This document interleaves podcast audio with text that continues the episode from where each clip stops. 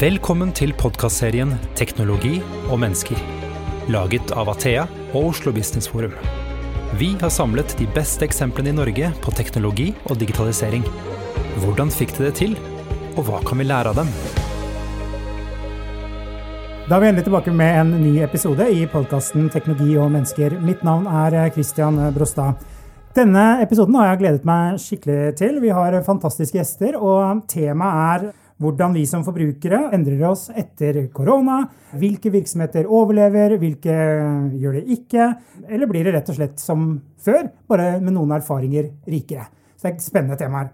Eh, Vi har med oss eh, to eh, fantastiske gjester. Det er Ole Petter Nyhaug, som er partner og kreativ leder i Opinion. Og så har vi Mona Nordhagen, som er partner i byrået Mars Brand Strategy AS. Og medforfatter i en fantastisk bok som heter 'Raketter og rebeller'. Ole Petter, du kommer også med bok. Velkommen for øvrig. Jo, takk for invitasjonen. Ja, det blir, det blir over sommeren, og den heter 'Sånn er vi', en faktabok om nordmenn. Så det er jo litt relevant her, faktisk. Ja, Vi gleder oss til den. Eh, aller først, jeg tenkte, Hvordan har koronaviruset og den situasjonen vi lever i, påvirket eh, dere? Du Petter? Nei, altså, det er jo som alle andre, så må man jo holde seg hjemme og, og, og den slags. Og jeg trives egentlig veldig godt med å sitte hjemme på hjemmekontoret. Jeg har heller ikke små barn lenger, sånn at eh, det har vært en veldig rolig og fin tid egentlig for meg sånn sett, og personlig. da. Og jeg tror jeg fant ut her om dagen at jeg har aldri levd så regelmessig som jeg har gjort i den perioden her, hvor man ikke skal ut og fly rundt og holde foredrag og, og, og den type ting. Stå opp stort sett samme tid og trening og legge seg og, og sånn. Så det har kanskje vært til og med litt, litt bra for meg.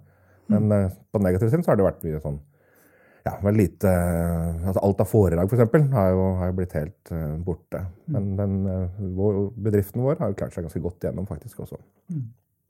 Mona, hvordan er livet ditt om dagen? Ah, ja, vi er jo helt nystartet, så det kommer i løpet av de første 100 dagene. Så det har vært uh, mer enn spennende. Men så langt så går det faktisk veldig bra, tusen takk. Og jeg er jo helt enig med deg at det å ha hjemmekontor, det er helt fantastisk.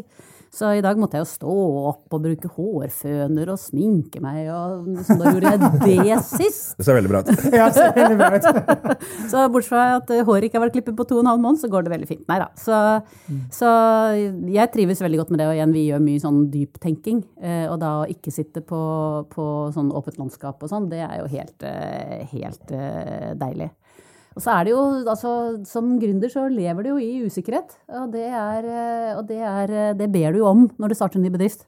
Så jeg tror sånn sett så er du kanskje litt mer mentalt eh, beredt, selv om det kom litt brått på, eh, enn hvis du lever i en virkelighet hvor du har en følelse av at du har en stabil jobb. Eh, mm. det har jo ikke vi når vi er gründere, så er det jo langt unna det. Og du da, Kristian? Kanskje lytterne lurer på hvordan du har hatt det? Eh, jeg er jo inne i det Teams-kjøret, så jeg syns Nei, jeg trives jo med folk, da. Eh, og nå er det jo Ser man jo litt få folk. Jeg har vært på kontoret noen få ganger. Eh, så jeg gleder meg til den dagen vi kan komme tilbake og se folk, da. Ellers så føler jeg at man er kjempeeffektiv om dagen. Du får jo, som, flere, som begge sier egentlig, at du får jo satt deg ned og brukt hodet og produsert. Og det er kanskje vanskeligere når det er morsommere rundt kaffemaskinen enn ved pulten din. da.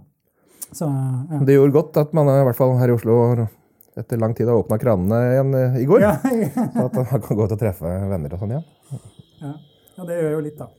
Eh, et, vi starter med et sånn enkelt ja- og nei-spørsmål, tenker jeg. Eh, og da må det bare bli ja og nei, for vi skal jo dykke ned i dette litt sånn eh, dypere senere. Men vil, mener dere at samfunnet endres permanent etter korona? Tror du det, Ole Petter? Nei. Ja. Wow. Deilig. Uh, det, det, sier seg jo at uh, av kriser, uh, ut av kriser så kan det jo komme nye ting uh, osv. føler dere, Vi trenger jo ikke koronakrisen, men føler dere at, at disse krisene er bra? Er det bra for norsk næringsliv og arbeidstakere? Da vil jeg si nei. Ja. jeg sa ja sist, da. og det, Eh, vi har jo godt av motstand. altså Alt fra vi sier at konkurranse er sunt, ikke sant, for du skjerper deg. Men eh, koronakriser de har vi ikke godt av. Altså, solide, sunne bedrifter går over ende fordi at det treffer akkurat den bransjen, som reiselivet f.eks. Um, det, det, det, er ikke noe motstand du har bruk for. Uh, og det samme gjelder jo folk som helt uskyldig mister jobben, holdt jeg på å si. Altså, det, det gjør man jo kanskje uansett. men Nei, jeg tenker at sånne kriser som dette, det har vi ikke, det har vi ikke bruk for. Vi har bruk for motstand. Eh, det gjør oss kreative, og det gjør oss sterkere og sånn. Men sånne kriser som dette, det, det, har vi ikke noe bruk for. Det kan vi klare oss fint unna. Og så er det jo ikke, det betyr ikke at det ikke er gaver i det. Mm. Som at vi blir litt mer solidariske, vi kanskje føler oss nærere hverandre, vi får et litt sånn skjebnefellesskap og en del sånne ting som skjer. Men nei, vi har ikke noe bruk for sånne kriser. Er det det? det. Men, men eh, økonomiske kriser og finansielle kriser har vi bruk for med jevne mellomrom, eh, tror jeg. da. Og det, for det tvinger, tvinger, fram omstilling og det tvinger fram nytenkning. og en del sånne ting, Men det er klart det er sånn som nå, hvor det har ramma folk så, så, dramatisk, og til og med altså, en del eh, havner på sykehus og, og, og, dør til og med, så er det jo absolutt ikke noe man skal hige etter. Men sånn, hvis man liksom tenker sånn rent skal vi si, litt sånn ja, om ikke kynisk, så i hvert fall litt sånn rasjonelt på det, så er det jo nøden lærer, lærer naken kvinne å spinne, er ikke det det heter? Mm. Så, så, alle sånne begrensninger det vil jo utløse en eller annen form for innovasjon ofte. Og, og, og, dermed så kanskje akkurat en økonomisk krise kunne vi nok kanskje hatt mer godt av innimellom enn en dette. Ja, så er Det vel også sånn at uh, altså det gjelder vel ungene våre og oss sjøl også. at uh, Det er jo gjennom motstanden vi lærer. Så, så, sånn sett så ser vi jo hva som utløses nå av kreativitet. Eh, så det igjen eh, Alle, ja, alle all motstand har en gave, gave i hendene. Også, ja. Ja. Mm. Så det er jo veldig mye spennende som skjer nå, eh, og det er igjen dette med endring. da, ikke mm. sant? At uh, trender som allerede, det er vel noe alle snakker om, trender som allerede er i gang, de blir forsterket når de virker for oss. Mm. Så vil jo de bli sterkere og gå fortere nå. Altså, hvem av oss har nå ikke sittet eh, på et eh, webinar eller vært på webmøte? Det har vi kanskje gjort før. Men da har det vært litt sånn det fysiske møtes fattige fetter. Men nå har vi jo lært at det er en del ting som er faktisk veldig nyttig å gjøre. Eh, også iallfall vi. Nå har jeg kjørt noen formater hvor jeg tenker at vet du hva, dette her funker kanskje bedre enn i fysiske rom.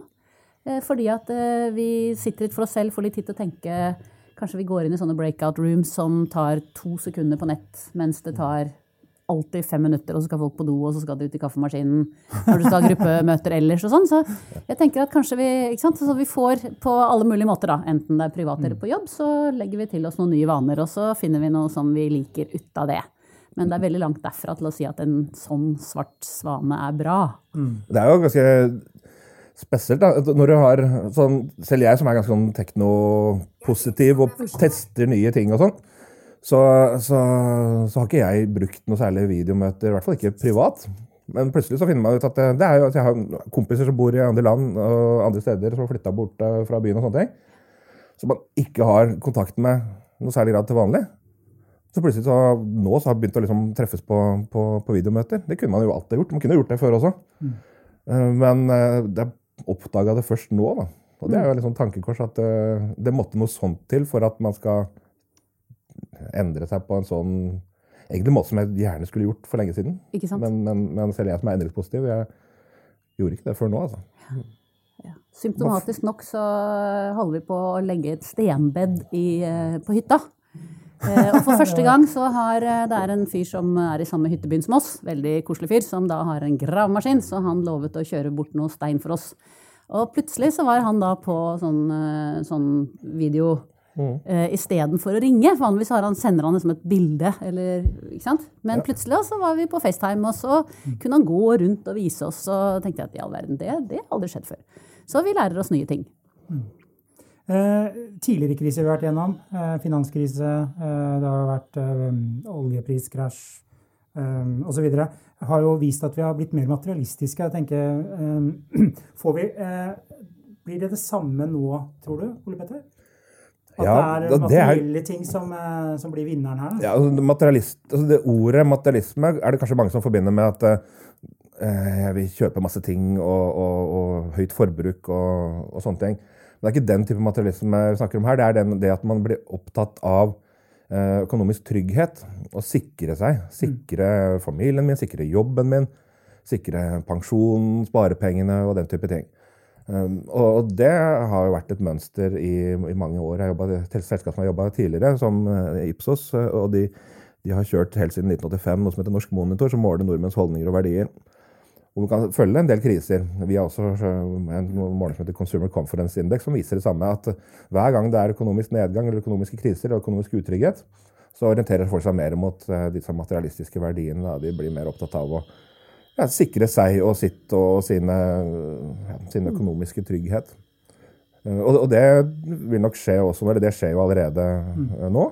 Og Da skifter man litt fokus da, bort fra kanskje det idealistiske, bort fra å tenke på verden, bort fra å tenke på klima og miljø, hvis man var opptatt av det. Og sånne ting. Og mer at nei, nå må vi prioritere å sikre arbeidsplasser, vi må sikre økonomien, vi må sikre grensene våre.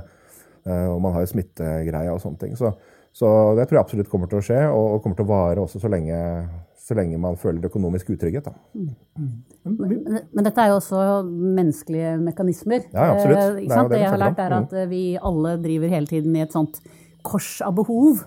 Som går liksom, på den ene siden på eh, behovet for tilhørighet. Vi er flokkmennesker. Eh, samtidig som vi ønsker å være oss selv. Vi vil være, vi vil være eh, individuelle og unike i den ene enden. Og så er den andre delen av korset er behovet for trygghet og stabilitet. Og så i den andre enden så er det behovet for å lære nye ting, ta risiko, mestre nye greier. Og, og det som skjer, har jeg da uh, lært, er at uh, når alt er strålende og nydelig, så vil alle bli noe i media, eller de vil bli ballettdansere, eller de vil liksom uttrykke seg selv og ta masse risiko og gjøre spennende ting og være veldig individualistiske, og så blir det litt vanskelig. Og da vil folk bli sykepleiere. Uh, og de vil jobbe i det offentlige.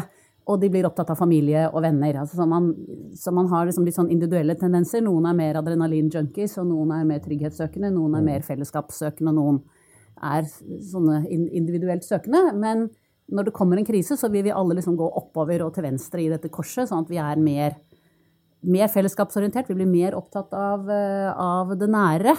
Og det er liksom fra familie, venner, bedriften vår lokalsamfunnet vårt, landet vårt. ikke sant? Altså Vi stenger landegrensene og alt det der. Mm. Og vi blir mer trygghetsorienterte. Jeg tenker også at det materielle vil ha med det å gjøre. Mm. Uh, Miljøspørsmålet er nesten blitt helt borte. Altså Man snakker om at nå ser du sola i Beijing. Uh, ja, det er mye som er blitt borte, borte pga. Dette har jo vært fullstendig, fullstendig overskyggende alt annet. Men uh, det er også sånn at det, det, det, er en sånn ikke konflikt, men en slags spenn da, mellom en idealisme og materialisme. Og materialisme igjen i vidt begrep. Det er alt det som handler om trygghet og, og det nære framfor på en måte verden der ute. Og, og, Det er jo derfor man ikke hører så mye om miljø nå også. Og selv de som er kanskje aktivister som fortsatt snakker om miljø, de, de har kanskje fintfølelse nok til å tenke at det er ikke det vi skal eh, trykke aller mest på nå. I en situasjon hvor folk kjenner på utrygghet for jobbene sine og den type ting. Mm. Det, det, kommer nok tilbake igjen uh, etter hvert, men, men, det er jo derfor at det, det, er jo de nære tingene som skjer med oss her og nå, som, som opptar folk. Mm. Og så er det vel også alltid den eh, evige konflikten mellom urgent og important. At da vil Absolutt. alltid urgent uh, vinne. Mm. Ja. Uh, og så tenker jeg at det som blir spennende fremover, det blir jo om dette, dette kollektive, altså denne dugnaden da, som skjer nå over hele verden, eh, vil det på et eller annet vis gi oss noe, eh, noe eh, følelse av at vi faktisk har makt? Altså at det hvert enkelt individ og hvert enkelt familie, hvordan vi som lokalsamfunn oppfører seg, også har på en måte globale konsekvenser. Så, så det blir jo spennende å si liksom, er dette en, en, en liksom, tilbake til det nære, så vi orker ikke disse intellektuelle, vanskelige greiene med klima og alt det der. Eller er det sånn nei, vi ser jo faktisk at våre handlinger har direkte effekter. Sånn at nå kan vi, når vi nå har løst denne krisen, eller vi har på et eller annet vis greid å navigere denne krisen, så er vi på en måte modne for å navigere neste krise. Altså, jeg, jeg, er litt enig i det. Jeg tror ikke det er, et, ikke det er en dugnad. jeg. for det, tvert imot så ser vi jo ganske mange ulike måter å håndtere krisa på i verden.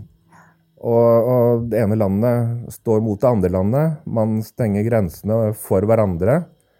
Uh, man tenker at vi ikke skal slippe inn folk fra det landet fordi de har høyere smitterisiko. Og så har man hele spørsmålet med Kina. Det er de som er skyld i det. ikke sant? Mm. Så, så, jeg tror ikke at dette her eh, Mange tenker, og mange ønsker nok, mm. at denne situasjonen skal skape mer fellesskap og mer, og mer samhold og mer dugnad. Jeg tror kanskje det blir det motsatte. Mm. For, nettopp fordi vi kommer til å stå mot hverandre i ganske lang tid framover. Det er ikke alle land i verden som er i samme, eh, samme sted i kurven. Noen er kommet kortere for eksempel, og har fortsatt høy smitte. Ja, de folk kommer ikke til å få lov til å reise rundt i verden. Deres økonomi kommer til å lide. La oss si kanskje vi åpner opp for eh, turister fra Tyskland, men ikke fra Italia. Da blir kanskje italierne kjempesure på oss. Og, og, og, og hvis vi ikke reiser, får reise dit heller. Det, blir en del, det kommer til å bli en del sånne ting framover, tror jeg. Sånn som, ikke, som ikke skaper noe fellesskap eller dugnadsfølelse. og tvert imot som brygger videre på det. Og selv internt i landet vårt var jo søring-karantene og, og, folk som, som, som, ønsker å ha ulike regler fordi de mener at eh, det er best for oss her og der. Så den der dugnadsgreia den tror jeg er litt sånn ønsketenkning eh, fra, fra mange, tror jeg.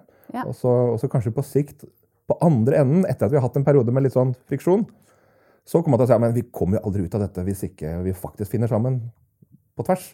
Ja, og så kanskje det igjen, altså Steg to blir at vi får en nytt sånn samarbeid, nytt fellesskap, nytt dugnad. Men, men eh, ja. ja. Og så er det forskjell på global solidaritet og det faktum at du ser at dine egne eh, individuelle handlinger eh, fører til altså Nå tenker jeg helt lokalt, f.eks. i Oslo da, eller i Norge. Mm. At eh, det at du faktisk holder deg hjemme, det at du bruker antibac, mm. det at du Eh, hva enn det er du gjør, at det faktisk har noen kollektive effekter. Så jeg tror igjen at det at denne krisa er så nære, det er nok litt det som jeg tenker at vil endre oss litt. Er at eh, veldig mange av disse krisene de er påført oss fra utsiden. Det er ikke så veldig mye man kan gjøre. Altså ja, du jobber i oljebransjen, og det er oljekrise, eller du uh, har huslån, og det er finanskrise, men det er liksom ikke så mye du kan gjøre fram eller tilbake. Du, du du mister jobben, eller du har ikke råd til å, å betale lånet ditt, eller eh, altså negative ting skjer, men det er ikke noe du kan gjøre for å fikse det. Mens denne krisa her, den er jo påført oss uskyldig. Men den lar seg ikke løse uten at våre individuelle handlinger mm. eh, gjør noe. Og, og, du skrev eh, en blogg om det. og, og hvor du snakker om dette med holdning og handling, hvor du sier handling kommer før holdning, som jeg er helt enig i.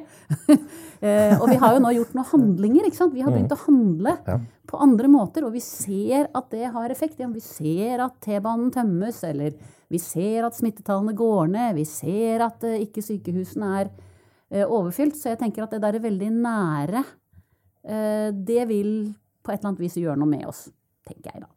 Mm. Hva med tillit oppi dette? Eh, Erna Solberg fremstår jo som eh, ny landsmoder. Eh, For ikke å snakke om Bent Høie som den nye landsfaderen. Ja, med den appellen til ungdom. Ja. Eller takketalen til ungdom, da. Ja, det skåra han mye, mye, poeng på. Altså. Sønnen min som er 21, han fortalte oss at det, også ungdommen sjøl fikk med seg det. De delte det masse rundt og satt veldig pris på det. Da. Så det var jo veldig fint. Så, men vi, vi, gjør masse målinger hele tiden, hver dag egentlig, om, om uh, hvordan folk responderer på f.eks. myndighetenes tiltak og andre ting da, i, i koronakrisen. Og tillitsnivået har vært veldig høyt. Man har hatt veldig høy tillit til um, myndighetene, politikerne og ekspertene våre.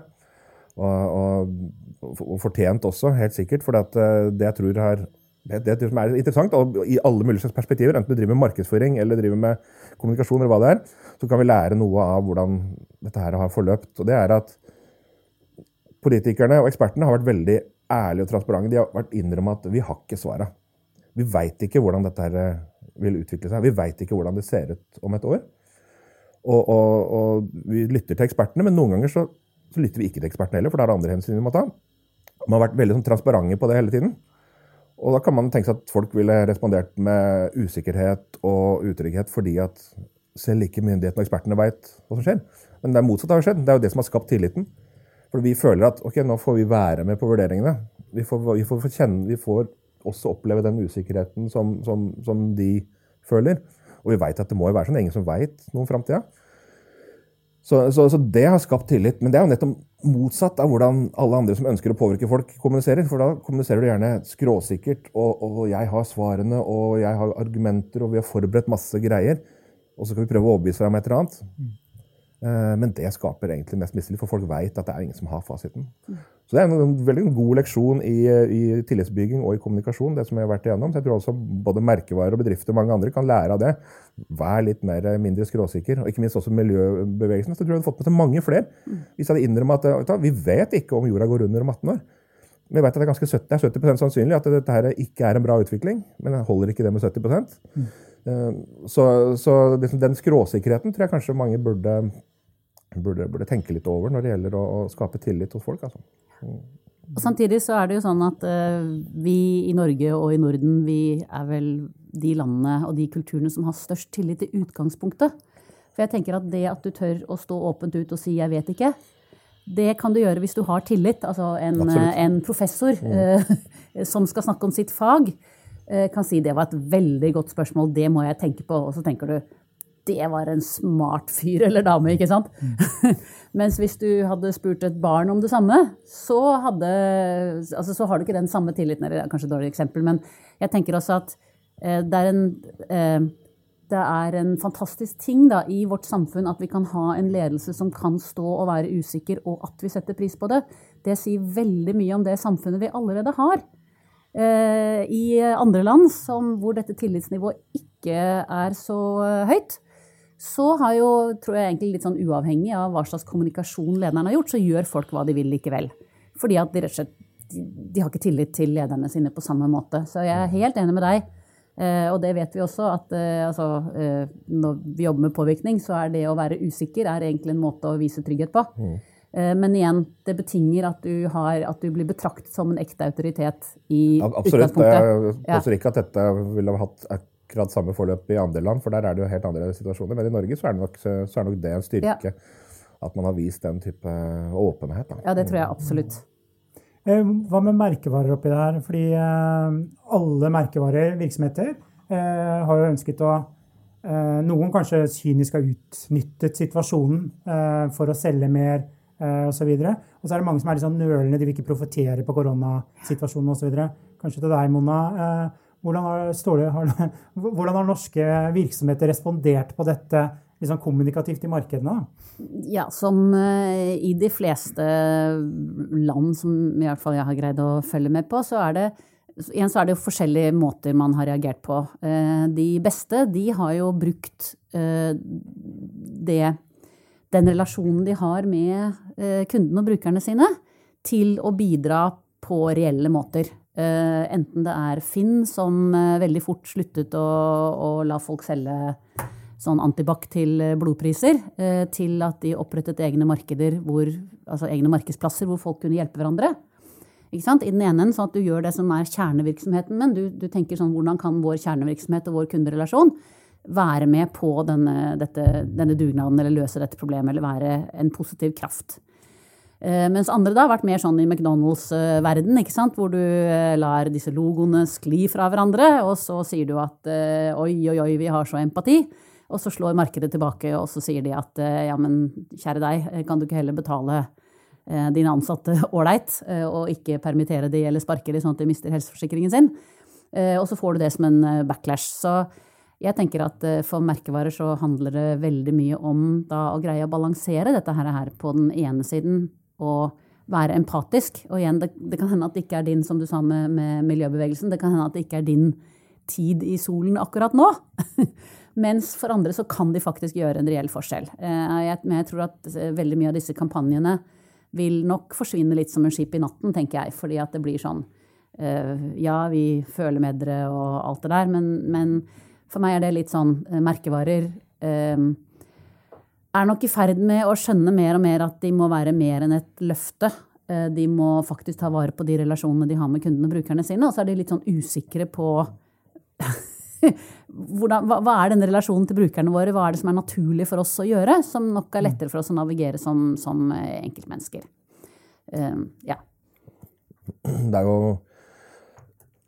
Hvis du ser på hva som er, hvem som som har driti seg ut litt internasjonalt Når du ser på merkevarer, så er det litt det som du var inne på med McDonald's der. at uh, i den situasjonen her så er ikke folk så opptatt av liksom, kampanjene dine og hva du gjør uh, kommunikasjonsmessig og prismessig. og sånne ting egentlig. De er opptatt av hvordan du tar vare på folk. For det er jo det folk opplever nå. ikke sant? At folk mister jobben, og, og, og det handler om å ta vare på hverandre. ikke sant? Så Noen av de største skandalene hvert fall som jeg har fått med meg ut i denne koronaperioden, det er f.eks. den jeg leste her om dagen om, om Weatherspoons, den største britiske pubkjeden. Som, eh, som ganske raskt hvor toppsjefen gikk ut og sa at eh, vi betaler bare våre ansatte fram til den dagen eh, myndighetene stengte pubene. Så at de da over natta mista all inntekt. Eh, Og det fikk jo voldsomt tilbakeslag og masse sånn boikottgreier. Og nå som pubene etter hvert skal åpne i, i, i Storbritannia igjen, så har jo mange kunder lovt at vi skal ikke gå på Wetherspoons. Eh, Og det er den type reaksjoner som, som har kommet mest negativt. Den type merkevarer som har kommet mest negativt ut, det er jo de som, som, som opptrer kynisk overfor eh, arbeidstakerne sine. For den største krisa for de folk flest det er jo å miste jobben i denne tiden. Så Motsatt så tenker jeg at de som har kommet best ut Og nå er min personlige mening, men jeg, jeg ble faktisk litt sånn eh, skal si, eh, skal si, berørt av Petter Stordalen. Som, som, du ser på fyren. Jeg har sett et par intervjuer med ham. Du bare ser på fyren at dette her er, dette Han blir ti år eldre. Han er en helt annen person, og, og, og, du merker at det er fordi at han er dødsens bekymra for alle som mister jobben. Mm. Og så En kyniker vil kanskje si ok, du er sikkert bekymra for pengene dine også. Men jeg tror han er genuint opptatt av, eh, av, konsekvensene for alle de 20 000 eller whatever som jobber eh, i kjeden hans. Og det, det, tror jeg kanskje også kan liksom, Selv om ikke det var en planmessig greie fra hans side, sikkert, så er det noe som kanskje kan styrke den merkevaren. For at du merker at det er, det, det er noe i verdiene som de snakker om. Det, det betyr noe også for han personlig mm -hmm. uh, i den situasjonen. Da. Du ser det på du kan ikke fake det. det er jeg helt enig i. Og, og, igjen så handler det om sånn, har du tingene på stell? Vet du hva merkevaren din handler om? Vet du hva relasjonen mellom alt fra liksom ledelsen og medarbeiderne, hva, hva, er det merkevaren din står for? Eller hvordan dette ser ut? og og Nordic Choice-merkevaren, så har det jo vært de ansatte som har vært feira i årevis. Det handler om, Han har jo vært helt konsistent på å handle om at det er bedre er å ha dannelse enn utdannelse, og, ja, ja. og bygge kultur og heie på folk og holde på. Så det ville vært helt annerledes, jeg tror, enn den, kyniske, den der følelsen av kyniskhet ville nok vært helt annerledes hvis ikke det var så gjennomgående i det selskapet og i den merkevaren allerede. Det samme tenker jeg, jeg synes en annet poeng også i forhold til merkevare, er det der med å være litt raskt på ballen. Altså Innenfor dagligvare så er det jo uh, veldig mye Rema som fikk på en måte denne positive bølgen av at noen uh, vanlige folk må være der ute for oss, sånn at vi får kjøpt melk og brød. Og, og de gikk ut og sa vi har nok, det er ingen grunn til å hamstre og vær så snill og stå litt, uh, vise litt avstand, men vi skal være der for dere. og og gjorde det på en, en veldig sånn sympatisk, hyggelig, nedpå måte, som er veldig sånn kledelig i forhold til den merkevaren. Og så gjorde jo da Norgesgruppen og de andre det samme, men igjen så er det sånn klassisk eksempel på at det er den som er først i hoden til folk til å gjøre det, som får da ofte de positive effektene, da. Så er det mange sånne vriene. Det er, det er jo så lett å trå feil. da. Ja. Ikke sant? Du, egentlig burde du kanskje ligge eller stille i båten. Peppes, for eksempel. De gikk ut eh, akkurat med og sa at eh, det var gratis hjemlevering av pizza. Folk må være hjemme og kan ikke spise ute og sånne ting. Kjempebra bra tiltak. Kjempesuksess. Men hva skjer da med alle de små, lokale pizzafolka ikke sant, som blir utkonkurrert av gratis hjemlevering? Det var bare de beste intensjonene fra Peppes. Mm. Men plutselig så har du liksom disse små som virkelig sliter, ikke sant, som har én og to og tre ansatte, eh, som, som, mister alt eh, pga. gratis hjemlevering. Og, og det er sånne Du kan nesten ikke gjøre noe riktig på, på, på enkelte områder, ikke sant? Eh, eh, det, altså den, det caset kanskje da, som har fått mest medieomtale og eh, skitt i sosiale medier, er jo DNB og den lange perioden som eh, de mente de måtte ha for å sette ned renta. De mente mm. avdragsfrihet var liksom det beste. Eh, Mona, var det smart av, eh, av, DNB å stå så hardt på standpunktet sitt da, før de snudde? Ja, det tror ikke jeg skal være noe dommer over, men det er klart at det, er klart at det å være den største i et marked det er, eh, det er, et privilegium, eh, og det kan av og til også være et, eh, en utfordring. ikke sant? Fordi det er alltid den store du ser på til å, å gjøre de store grepene. Og da er det det eneste folk lurer på, det er jo om de greier å betjene lånene sine. Så, så de vil jo ha sånn overordentlig stor oppmerksomhet på det. Så jeg tenker at det er nok mer, det som kanskje er verdt å tenke på, er nok mer det der dilemmaet om at på den ene siden så får de, og det burde de vite, at som den største banken så får de tyn nesten uansett hva de gjør med renter og avdrag, for det vil aldri være nok. Mm. Og på den annen side så går de da ut med vakre reklamekampanjer hvor de sier sånn Å, vi skjønner hvordan dere har det, og hold ut, og dette går bra.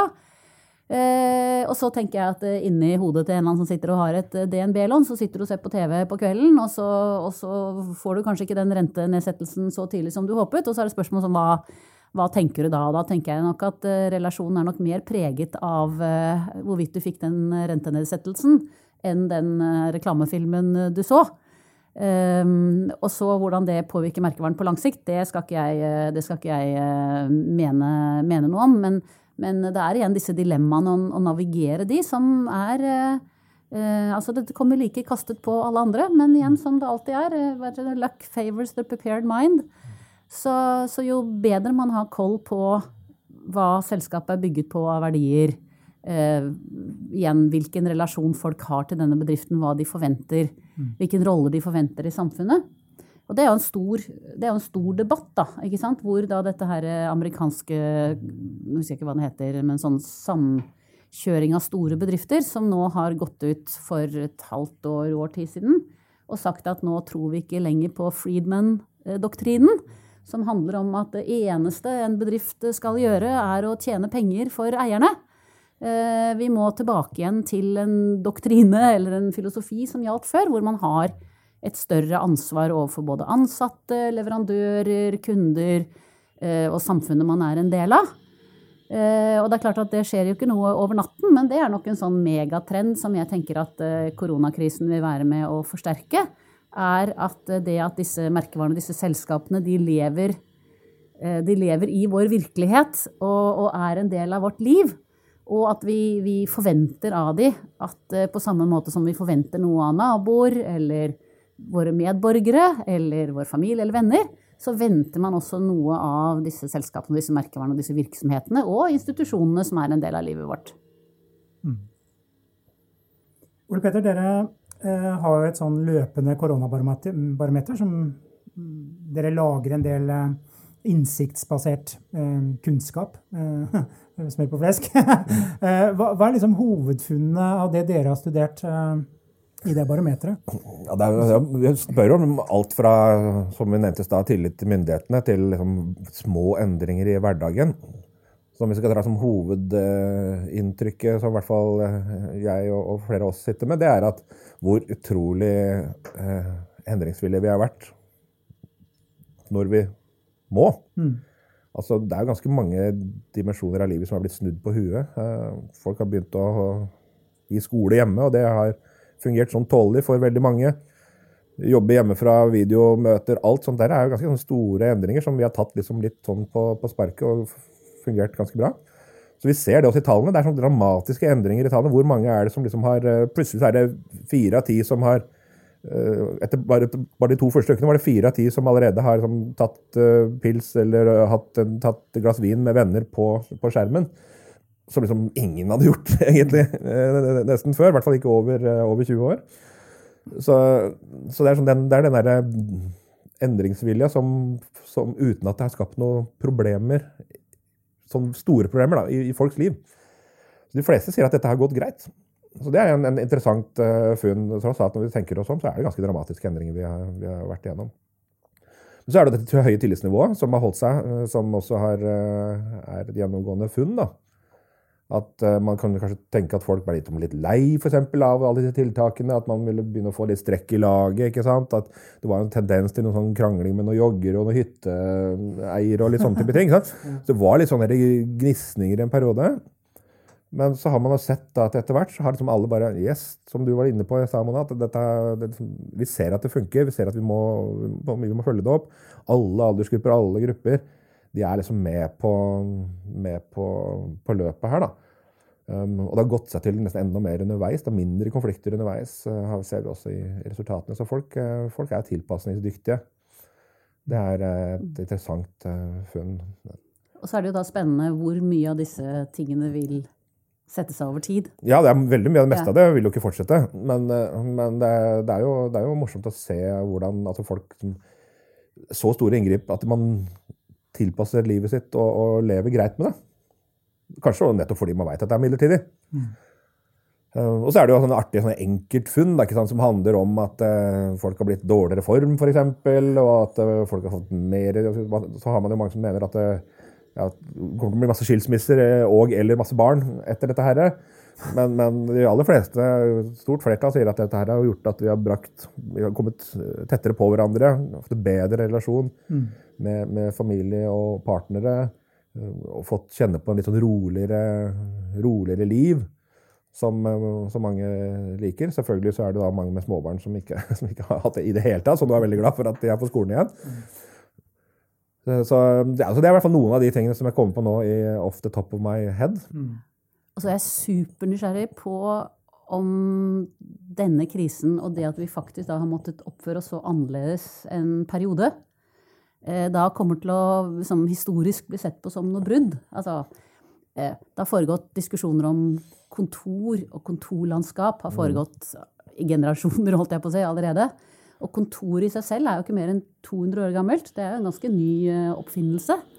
Eh, og nå igjen som vi, vi trives aldeles utmerket hjemme. Vi kan møtes på videoer, vi kan eh, leie oss møterom hvis vi trenger. Altså, er dette begynnelsen på slutten på at byer er fulle av sånne svære bygninger med masse kontor? Altså, jeg synes Det er noe av det interessante. Jeg synes det er noe av dette her som, som vil akselerere en eller annen endring som allerede var i gang. Eller en annen er liksom overgangen mellom dette med jobb, privatliv. Eh, romerne snakket om otium, som var fritid, og negotium, som var eh, ikke fritid. Altså neg, det motsatte av otium, negotium. Så det var, det var, det var Jobb var ikke fritid. Eh, og, liksom, og hadde en helt annen balanse på det. Og igjen, også det der med tanken med arbeidstid, det er også en ganske sånn ny uh, oppfinnelse. Så liksom, gjør vi nå Er det bare tilbake til normalen, eller gjør vi en ny dreis på at uh, ja, vi vil ha jobb, privatliv, balanse, men kanskje vi vil bestemme litt mer av den selv, de av oss som er så privilegerte å ha sånne jobber hvor man kan bestemme litt mer selv, da. Men altså sånn gig economy kan du, hvis du igjen kjører taxi, kan du bestemme selv litt mer når du vil kjøre og ikke kjøre. Altså, jeg vet ikke. Ja, de fleste har jo ikke ja. en sånn situasjon hvor de kan bestemme det sjøl, så de fleste må jo forholde seg til, til arbeidstider og arbeidssteder. Men det, det i hvert fall vi ser på undersøkelsene våre, er at det er en ting som folk eh, ikke eh, ønsker at skal fortsette, det er jo den sosiale isolasjonen som man opplever. Man vil ha kolleger, man vil ha folk rundt seg. Mm. Eh, også i jobbsammenheng. Så jeg tror nok at eh, veldig mange, de fleste vil nok ønske å jobbe, eh, jobbe sammen med andre mennesker, sånn som de har gjort før. Mens liksom du sier, at kanskje man har fått øynene opp, både arbeidsgiver og arbeidstaker har fått øynene opp, hvert når man kan det. altså Den fleksibiliteten som ligger i det å jobbe, jobbe hjemmefra, så er det sikkert noen arbeidsgivere også som tenker at hm, vi kan spare noen penger på kvadratmeterne hvis vi, hvis vi lar flere jobbe hjemme, for det funker jo greit. Ja, og, og, at du kan møtes sosialt på andre måter. Du trenger jo ikke å møtes sosialt på kontoret. Vi trenger jo å klemmes og oh, ja. ta på hverandre, liksom. Ja, akkurat det, der er vi litt, er litt uenige.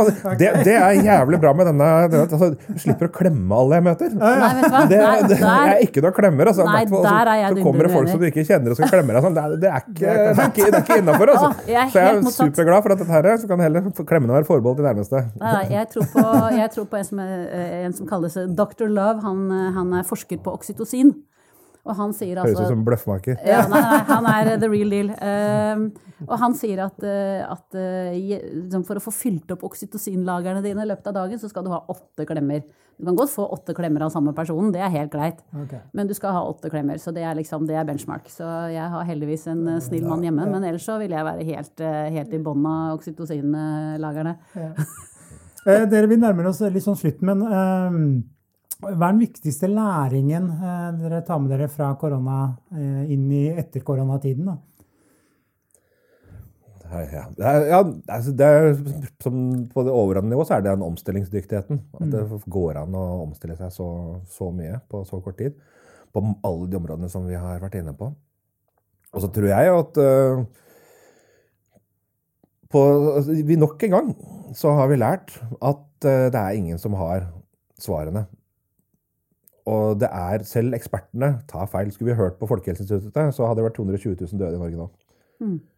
Um, og, og, det er jo litt synd å si, for jeg er jo en På mitt område mener jeg sjøl en ekspert akkurat på det jeg eh, kan. Så, så, jeg sier jo egentlig at ingen skal høre på meg, egentlig, så dere kan bare stryke hele alt dere har hørt nå hittil. men, men, men, eh, poenget mitt er at det, det, kanskje dette kan lære oss litt mer ydmykhet da, i forhold til det å, at vi veit ikke alltid. Og at det i seg sjøl er noe vi kan dyrke og gjøre til en styrke. Litt som vi var inne på i stad. At, eh, at, man har litt mindre skråsikkerhet om ting. At det går an å få inn litt nyanser om ting. Og at det gir en bedre, bedre beslutninger og bedre grunnlag. Det er noe som jeg tror vi kan forhåpentligvis ta med oss. Og, og, og, I forlengelse av det så tror jeg også at eh, alle de som og Jeg skal da legge huet på blokka her, og så skal jeg si det, noe av det vi når du spurte liksom ja-nei-spørsmål i starten det har, vært, det har ikke vært grenser for hvor mange som spår de store, fundamentale, grunnleggende endringene som koronakrisen kommer til å, til å, sette i gang for verden og for Norge, men i hvert fall for Norge.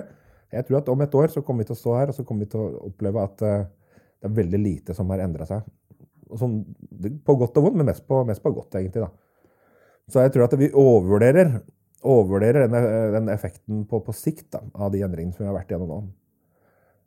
Forbeholdet mitt er jo at hvis økonomien går virkelig dass i verden og drar alle med seg, da vil det selvfølgelig være en, en, en, en kjip situasjon. Men jeg tror, at, jeg tror, ikke, jeg tror ikke de endringene blir så store som mange frykter eller, og, og mange håper. Da.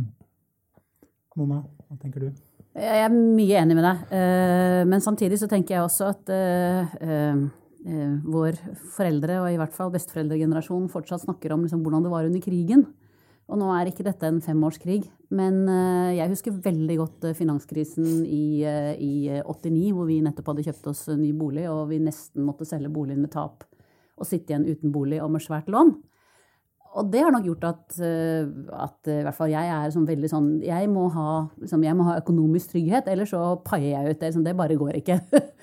så jeg tror nok det at eh, vi Når jeg sier at sånn, ting har endret seg, så tenker jeg at det har mye med at de som har vært gjennom dette, og spesielt de som har opplevd at noen er blitt syke, at igjen, eh, igjen man har liksom, øh, opplevd at jobben er blitt borte, altså man føler seg virkelig sånn berørt, og at det har vært litt vondt så tror jeg nok at det kommer til å, det kommer til å påvirke litt sånn valg og holdninger og, og liksom, hvordan du er inni det.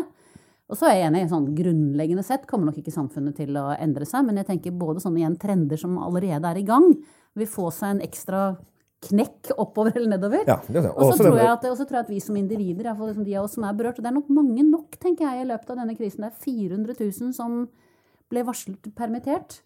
Eh, Og alle deres familier. Så vi har nok fått en liten sånn trøkk på at ting er ikke nødvendigvis eh, hunky-dory alltid og trygt. Så vi får nok en liksom sånn trøkk på det der behovet for trygghet. tenker jeg Det kommer til å sitte en god stund. Det nok, Og så spørs det om hvordan det vil, liksom, vil påvirke da eh, hvordan vi stemmer politisk, og hva det betyr i forhold til Kommer folk til å fri mer og gifte seg igjen? Altså, det, det vet jeg ikke. Men jeg tenker at nei, dette vil, nok, dette, dette vil nok være et lite sånn skift som vi kommer til å snakke om om 20 år, tenker jeg. Det tror jeg. Og så tror Ja, jeg men det, det er jo også, det er jo forskjell på en- På den ene siden så er jeg enig med deg at eh, det forsterker en del trender. Mm. Det har jo vært en trend nå må- Senterpartiet for eksempel, har jo styrka seg voldsomt de siste Mm. årene. Uh, og dette her vil jo antagelig da forsterke den litt mer sånn vi må ta vare på det lokale, sikre nasjonal beredskap, ikke sant? Eh, vår egen matproduksjon. Eh, tenke litt på hvordan vi, vi, vi relaterer oss til andre på tvers av grenser. kanskje andre har mer smitte enn oss. og Den nasjonale biten kommer til å vare lenger. Men det er jo bare forsterkelse, da, så det er ikke noe brudd, mener jeg. da. Det er, eh, så på den ene siden så er det, er det som du sier da, er det et brudd, eller er det en, en forsterkning? Altså, de to tingene er gjensidig utelukkende. Så jeg er enig i at det, er, at det er en forsterkning av det som allerede var der. Jeg er uenig i at det er et stort brudd som vi kommer til å snakke om. Da passer det fint å gå over til vår faste spalte. Digitale vaner. Bli kjent med gjestene ved å snoke deres digitale liv. Hva gjør de egentlig på nettet? Hvilke favorittapper har de? Er det streaming eller linær-TV som gjelder? TikTok eller Snapchat? Vi spør i Teknologi og mennesker. Eh, Da skal vi snoke litt i det private digitale livet deres, faktisk. Eh, Og dere får eh, to alternativer, og så skal dere velge ett. Det er ikke lov å velge begge, og det er ikke lov å velge noen som ikke finnes på bordet. Så dere får holde dere til de, de dilemmaene som kommer, da. Skal vi starte med deg, Ole Petter? Eh, Instagram eller TikTok? Instagram. Instagram for meg, ja. Instagram. Er dere på TikTok? Nei, jeg er bare jeg er jo ren jobbmessig interesse sjekka det litt ut, men jeg er ikke der. Nei. Eh, Mona, emoji eller tekst? Emoji? Mm. Ikke fordi jeg ikke bruker mye tekst, men jeg syns emojier er veldig koselig. Jeg er nok på tekst. Jeg er er på en mann av ordene. Du hiver i en eller annen? River i. Jeg bjuder på noen emojier innimellom. Altså. Det, men jeg merker også at jeg prøver å være litt, sånn, prøver å være litt sånn smart med det. Altså, ikke, ikke av de vanlige, liksom. Da. Ah. Prøver å si noe liksom, underfundig med dem. Så, ja. Jeg klarer ikke alltid det, men Eh, Denne tror jeg jeg vet svaret på. Eh, Hjemmekontor eller kontoret på jobben? Åh, hjemmekontor. Mm. Men jeg trives også veldig godt med kolleger, altså. Så, men hjemmekontor er deilig. hjemmekontor og fredagspils. Og fredagspils. Ja. Ja. Ja. Eh, ringe eller sende meldinger? Meldinger, tror jeg. Mm. Mm. Utvilsomt meldinger. Utvilsomt meldinger. Jeg snakker nesten ikke om det. Unnskyld. Eh, nest siste, lineær-TV eller eh, streaming? Der er det streaming. Jeg tror jeg ikke ser lineær-TV i det hele tatt. Jeg bare streamer. Ja. Ja, takk i like måte. Takk Det er like veldig lite, veldig lite lineært i nyhetene. Ja. Hva er det hotteste dere ser om dagen, da? Fauda, TV-serie på Netflix. Ja. Den har ikke jeg sett. Du, Mona? Jeg kommer er ikke på noe. Akkurat nå er vi i en litt sånn mellomperiode. Det er sånn lenge siden vi var på noe som bare, bare liksom fenget oss eh, helt. Vi er gått tilbake, vi sånn- vi er tilbake igjen på, på film i nå. Sånn god gammeldags sånn en og en halv times film. Nei, det Vi er litt sånn serie, vi er litt sånn serie, seriemett. Ja. Så nå jeg ser så mye på YouTube. Jeg. Det har blitt sånn, eh, det, det, de siste tre-fire åra så har er egentlig YouTube blitt den største sånn, mediekanalen for meg. Da. Det er jeg bruker mest tid på, egentlig. Og så er det deilig å få den i en app på Apple TV eller noe sånt også. For da kan du jo Ja. Ja, og bare, da- jeg har bare alt på Apple TV. Kun Ja, det. Det er helt eh, Ja, genialt. og jeg tror det er det som har gjort at vi liksom plutselig tenker at nå er det, nå er det god gammeldags kino uh, igjen. Ja, det er bra. Siste. Uh, radio eller podkast? Podkast by far. By far. Ja, for meg altså kun podkast, egentlig. Ja. Lytter du til radio i det hele tatt? Nei. Er ikke radio, dette kan jo du, eh, ganske stabilt i Norge? Nei, det, vet du, det, har ikke, det tallet har jeg ikke i huet, men det har ikke vært noe dramat. Men det, jo, det var jo det var jo en dypp etter, etter at det gikk over til eh, DAB. Da Da Mm. fikk du jo lytte, lyttetallene et eh, lite fall. da. Mm. Så, men akkurat hva siste tallene på det er, det har jeg ikke i huet. Som alt annet handler om vaner, tenker jeg. Altså, etter at jeg solgte bilen og kjøpte elsykkel, så hører jeg ikke på radio lenger. For radio, det var det jeg hørte på i bil. Eh, og det gjør man ikke på elsykkel. Da følger man med i trafikken. Godt å høre. Eh, Mona og Ole Petter, tusen takk for at dere kunne komme, og tusen takk til deg som har lyttet på. Du har nå lyttet til Teknologi og mennesker, laget av Athea og Oslo Business Forum. Liker du podkasten, setter vi stor pris på om det gir oss noen stjerner. Og tips gjerne en venn om podkasten.